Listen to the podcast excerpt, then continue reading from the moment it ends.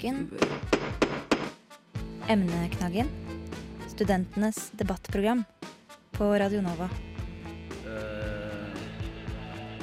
Radio Nova En av fem Oslo-studenter sier de drikker to til tre ganger i uken. Faren for å bli alkoholiker er til stede. Vi må ta forhåndsregler, mener Akan kompeten eh, kompetansesenter for rus og avhengighetsproblematikk. Og 35% av uteksaminerte studenter på UiO er menn. Hva skyldes dette? Vi spør komitémedlem for kjønnsbalanse i forskning. Emneknaggen. God eh, ettermiddag. Det er 19. mars, og du lytter til Emneknaggen, studentenes debattprogram her på Radio Nova, på DAB og internettradio. Bak eh, teknikerspakene sitter Tobias Vattum, og jeg, Adrian Nymer Olsen, skal lede dere gjennom dagens sending. Vi skal om litt høre at studenter drikker mye, og at det får noen konsekvenser eh, for eh, mange. Men eh, først så skal vi høre en liten låt. Vi skal høre White Long med 'Drown With The Monster'.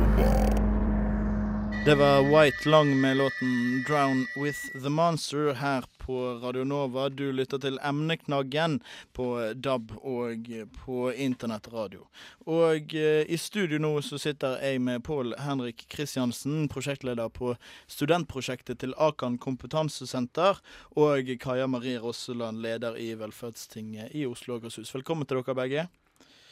Um, og det har da kommet uh, frem uh, at uh, enkelte studenter sliter med alkoholproblemer. Og som jeg sa innledningsvis, så er én av fem, nøyaktig 18% av Oslo-studentene, sier de drikker to til tre ganger i uken. Og Pål Henrik, hva, hva tenker du og Akan kompetansesenter om denne situasjonen?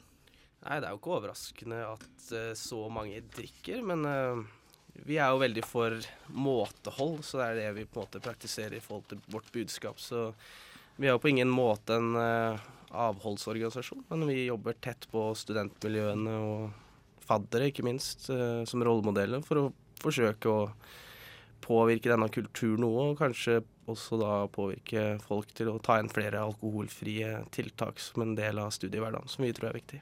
Så det, dere har lyst på uh, flere alternativer til uh, alkoholarrangementer og lignende? Ja, absolutt. Altså, folk må gjerne få lov å kose seg med øl og sånne ting, men det er også viktig å ha fokus litt på måtehold. At man inkluderer i uh, større omfang enn det man kanskje gjør nå. For det har jo også kommet fram at mange føler seg ekskludert som et følge av et høyt alkoholfokus. Eh, det alkoholfokuset som er i studietiden, hvordan eh, fortsetter det når man er ferdig med studiene? Nei, Uten at jeg sitter på veldig tall på det, men jeg tror nok eh, for mange så vil sikkert konsumet avta. Men det er jo mm. problematisk når mange opparbeider seg kanskje et høyt alkoholkonsum under studietiden, og så forsterkes det. Og så er det uheldig også hvis noen ikke klarer å komme seg ut av denne negative spiralen. Så det vil vi jo forsøke å unngå. Dere, du sa dere jobber med studenter. Uh, vi sitter her med lederen i Velferdstinget. Hvordan, hvordan jobber dere opp mot, uh, mot Velferdstinget? Jeg har hatt møte med en av dine tidligere kolleger i forhold til hvordan uh, få råd og tips om hvordan vi i større grad kan påvirke folk som er med i planlegging, og de som arrangerer f.eks. fadderukene. Så vi også inviterer inn til nettverksmøter med slike faddere. Og vi hadde akkurat en nasjonal konferanse i Oslo der vi hadde 60 studenter. Alt fra representanter fra Tromsø ned til Agder, Stavanger, Bergen. Så vi forsøker å jobbe tett på studentene, fordi vi tror at rusforebygging og ønsket å sette dette på dagsorden må komme innenfra og fra studentene selv. Mm. Uh, hva, hva, hva, er deres posisjon opp, uh, oppi alt dette? Eh, vår posisjon oppi dette er jo å jobbe opp imot SIO, som tilbyr helsetilbudene til studentene. Og det vi gjør da, er at vi ønsker at de skal tilby eller ha en helhetlig satsing på dette med psykiske lidelser, og jobber da også for at eh, rådgivningstjenesten og tilbudene de har, skal være tilstrekkelige. Mm. Eh, dere eh, er jo i gang, eller har i hvert fall vedtatt uh, å skulle utforme et helsepolitisk dokument.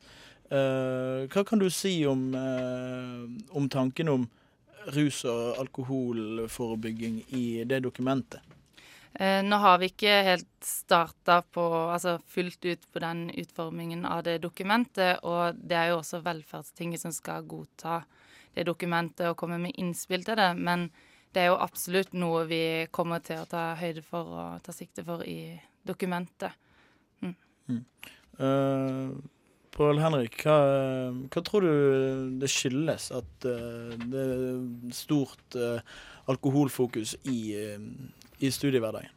Jeg tror kanskje forventningene kanskje ligger der allerede før du begynner å studere. At fadderukene skal jo være en slags veldig storslagen fest. Eh, kanskje en forlengelse av russetida for mange. Så man går kanskje inn med forventninger at det skal drikkes, og så blir det på en måte en selvoppfyllende profeti. Da. Men altså, er det sånn at fordi at du drikker to uker i august, så eh, drikker du videre òg? Nei, Jeg vet ikke, men det slår meg at så fort man skal ha det festlig sammen og gjøre noe, så virker det som at alkoholen er det, det første som kommer på bordet. Da. Så jeg mm. tror man må også være flinkere og, og tenke bredere. Mm. At man inkluderer flere. For um, den SHoT-undersøkelsen sist også viser jo at seks av ti uh, syns det drikkes for mye i studentmiljøene. Så det er jo på en måte et påskudd for å gjøre noe annet enn kun alkohol også. Men hvorfor blir ikke det gjort nå, da? Hvis studentene hadde hatt lyst til å ikke drikke, hvorfor drikker de da? Nei, mange sier altså det krever kanskje litt ekstra planlegging, litt kreativitet. Altså det er lettere å bare sette sixpacken på bordet og la festen ordne seg sjøl. Så det er noe å tenke på. Men Akan som et kompetansesenter eh, når dere sier at må, dere må ha mindre alkoholarrangementer, og vi skal legge opp til Eller vi ønsker at dere skal ha flere alkoholfrie arrangementer. Hva sier det om moralismen i budskapet deres?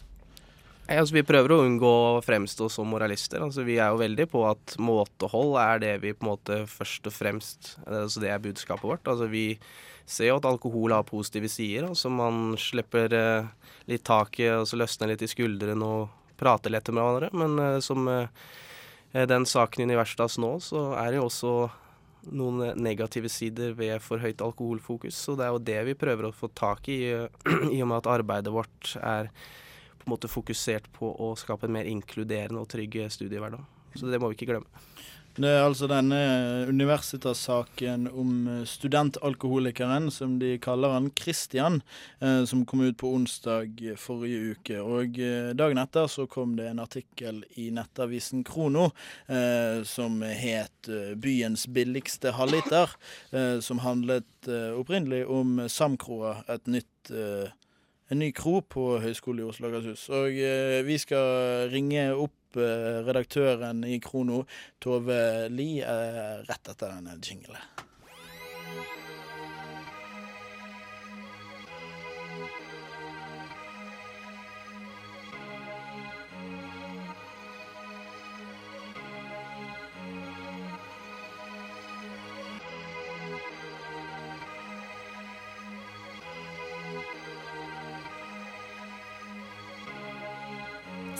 1982 har Radionova gitt deg favorittmusikken din, før du visste at du likte den.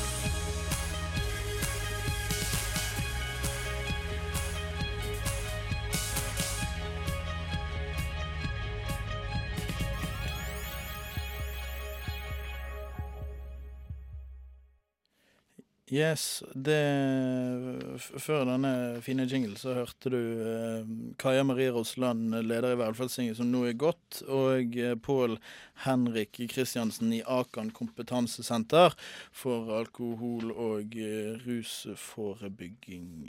Og eh, på onsdag for, forrige uke så kom altså denne eh, artikkel i Universitas om Kristian, eh, som var preget av uh, alkohol i studietiden og hadde blitt alkoholiker. Dagen etter så kom da Krono med byens billigste halvliter. Og uh, Pål Henrik fra Akan kompetansesenter. Uh, når det kommer en sånn byens billigste halvliter på studentkroen, og de fokuserer på pris både i tittel og ingress, hva, hva tenker du om det, da?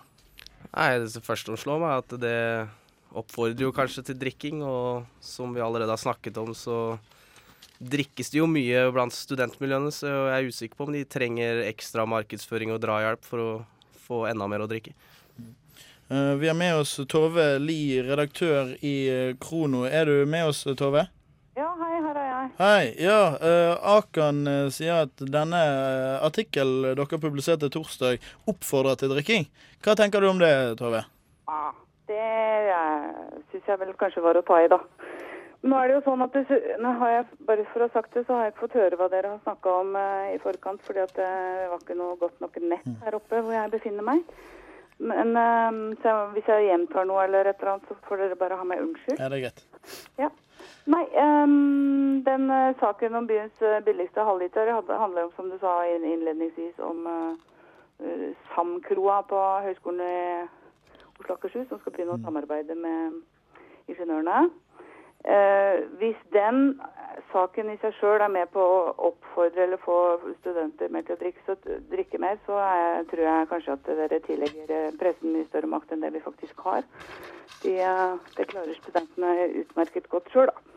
Men, det er sånn, så kan jeg jo bare fortelle, Hvis dere har fulgt med på Krono, så er det vel ingen som har skrevet mer kritisk om nettopp alkoholbruk og sånn enn det Krono har gjort. Vi dro opp en stor debatt med ja. semesterstart bl.a.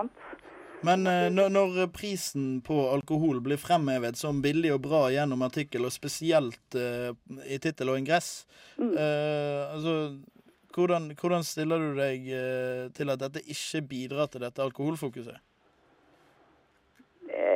alkoholfokus eh, er det jo selvfølgelig. Vi har jo spissa og vinkla på det, da, saken. Men mm. at det bidrar til å få flere til å drikke, det tror jeg ikke. Men dette kommer da dagen etter uh, Universitas har publisert en, uh, en stor sak om, om, en veldig begredelig historie, egentlig.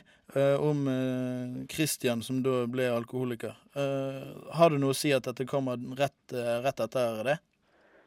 Nå er det sånn, Nei, Krono redigerer ikke sine saker og stoff etter hva som har vært på førstesida i Universitas, da, i og for seg. Sånn at uh, dette samarbeidsopplegget var jo planlagt uh, lenge før. For det var jo da den, den dagen vi hadde publisert den saken, så var det første dagen det nye samarbeidet på disse kronene på høyskolen var i gang. Så det er jo grunn til det. Men hvis dere har lest dagen etter der igjen, så kom jo uh, eller eh, så kom jo eh, Krono med en sak om eh, ja, vi, Men vi snakker ikke om den som kom dagen etter, men den som kom på torsdagen. Ja, på torsdag. Mm, men, men uh, vi må sette strek der. Uh, takk for at du var med, Tove Li, redaktør i Krono. Og takk også til deg, Pål Henrik Kristiansen fra Akan kompetansesenter. Vi hører Moon Relay her på Radio Nova. Du lytter til Emneknaggen, studentenes debattprogram. Du lytter til Radionova på FM 99,3. I en likestillingsrapport fra Universitetet i Oslo så kommer det fram at eh, det er det Jens Stoltenberg, tidligere statsminister, betegner som voldsomme tall. 35 eh, av de uteksaminerte studentene på universitetet er menn, altså 65 er kvinner. Et eh, stort eh, flertall. Og velkommen til deg her i studio, Solveig Marie Figgenschou. Du er komitémedlem i Komité for kjønnsbalanse i forskning. Mm. Disse tallene, hva, hva forteller de oss? Eh, først og fremst så tror jeg at de sier noe om eh, grunnskoleutdanninga i Norge og skolesystemet, og hvordan det eh, belønner jenter og gutter forskjellig. Fordi jeg tror de færreste i Norge går rundt og tror at vi er liksom forskjellig genetisk disponert for å gjøre det bra på skolen. Men det er nok heller det som skjer i møte med skolen som gjør at jenter får bedre karakterer i absolutt alle fag i grunnskolen, bortsett fra gym. Hva skjer da? Um, det, jo, det som forskninga sier, er jo at uh, gutter får mer oppmerksomhet på skolen. Og de, mer, altså de er mer aktive i timen og mer synlige.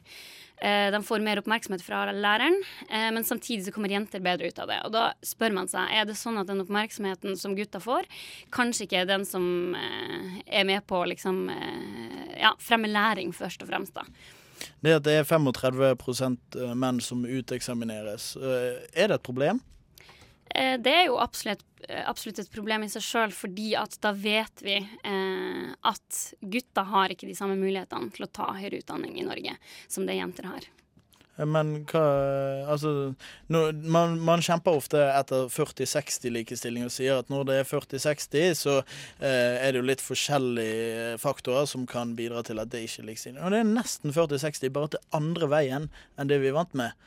Eh, altså Hvorfor er det et problem at det er 35% Ja, Det er jo mange som bruker det 40-60-målet, men det er jo faktisk ikke reell likestilling. Det er jo 50-50 som er likestilling, fordi det er det som er utgangspunktet for eh, fordel, kjønnsfordeling, naturlig sett. Men jeg tror også det handler om eh, hvordan vi utdanner folk til å bidra i samfunnet vårt. Eh, en stor del av det her er jo Altså de aller eh, minst balanserte studiene, det er jo nettopp helseprofesjonsstudiene. Det er tannlege, det er lege, um, og det er psykolo psykologer. Eh, og vi vet jo at altså de um, velferdssystemene som fungerer, er jo de som er representative for hele befolkninga. Og så handler det jo også om at helsa di er noe ytterst privat og noe viktig for deg, og jeg tenker at du skal ha valgfriheten til å kunne velge en behandler av samme kjønn, f.eks. Men du sa det at gutter har kanskje ikke samme mulighet eh, i høyere utdanning, eller til å ta høyere utdanning, men når vi kommer opp en grad, eh, så ser vi at det er fortsatt et stort flertall av menn. Eh, det strider jo helt imot den andre statistikken. Hvorfor det? Mm, ja, det der er egentlig et eh, veldig stort eh, paradoks. Og det gjelder faktisk ikke bare i akademia at det er menn som blir professorer. Det gjelder i arbeidslivet generelt. Jenter kommer dårligere ut når det, både når det kommer til lønn og toppstillinger der. Eh, sånn at det er vel noe om hvordan vi tenker om eh, kjønn, og hvem som er egnet til å være ledere eh, og ha mye ansvar eh, og ikke. Men hvor, hvor ligger løsningen på alt dette? her? Oh, det er jo tusen ting man kan gjøre. um, det ene er jo at man må, kanskje må se på altså, skolesystemet i seg sjøl. Hvordan snakker man om f.eks. likestilling i undervisninga i Norge i dag? Forskninga viser at da snakker man om likestilling som noe vi ikke hadde i Norge tidligere. Uh, det viser jo denne statistikken, statistikken, at det ikke stemmer, og at det er noe man ikke har i andre land. Uh, så man må gjøre noe med hvordan man snakker om, om forventninger til kjønn og sånt i skolen. Hva, hva, skal man si annerledes enn man gjør i dag, da? Jeg tror man skal si at vi har, eh, en, eh, vi har oppnådd mye i Norge, men vi har en lang vei å gå også. Og at man også snakker om at utradisjonelle valg det er mulig eh, for mm. begge kjønn. Og det handler om den veiledninga du får på skolen, og eh, at du oppfordres til å finne litt mer ut av eh, fagretninger og yrker som du kanskje ikke tenkte var så naturlig for deg i utgangspunktet. Men eh, det er jo ikke så fryktelig lenge siden, hvis vi ser på den milliardår lange historien at menn satt med alle toppjobbene, og det var menn som utdannet seg på universitetene. Nå ser det ut til å gå en omvendt vei. Er likestillingen gått for langt? Eh, det vil jeg eh, det, det, går egentlig ikke an å si, eh, fordi at det er jo på ikke noe nivå en 50-50% fordeling eller tilnærma lik dit. Og likestilling handler jo ikke i det hele tatt om at det er kun kvinner som skal ha fordelene i samfunnet. Men er det da gått for langt i prosessen mot å få likestilling at man har gått ett steg for, lengre, for langt som ikke gjør at det er likestilling lenger? Jeg vet ikke helt om jeg er enig i det. fordi at eh, Hvis man ser på hva det er skolesystemet belønner som jenter har heldig uttelling på, så er det jo pliktoppfyllenhet. Det er et personlighetstrekk eh, som i en svensk undersøkelse eh, som kom i februar, da, viser at det er kjempeviktig. Det har jenter i større grad, men de har også større grad av angst. Og det er også et personlighetstrekk som korrelerer med å få gode karakterer. Sånn at det er, det er ikke så enkelt som å si at det her er noe jenter vinner på og gutter taper på. Jeg tror det er en mye mer sammensatt eh, problemstilling enn det, altså. Mm. Eh, vi må sette strek der. Takk til deg, eh, Solveig Maria Fygen Skau, eh, komitémedlem i Komiteen for kjønnsbalanse i forskning.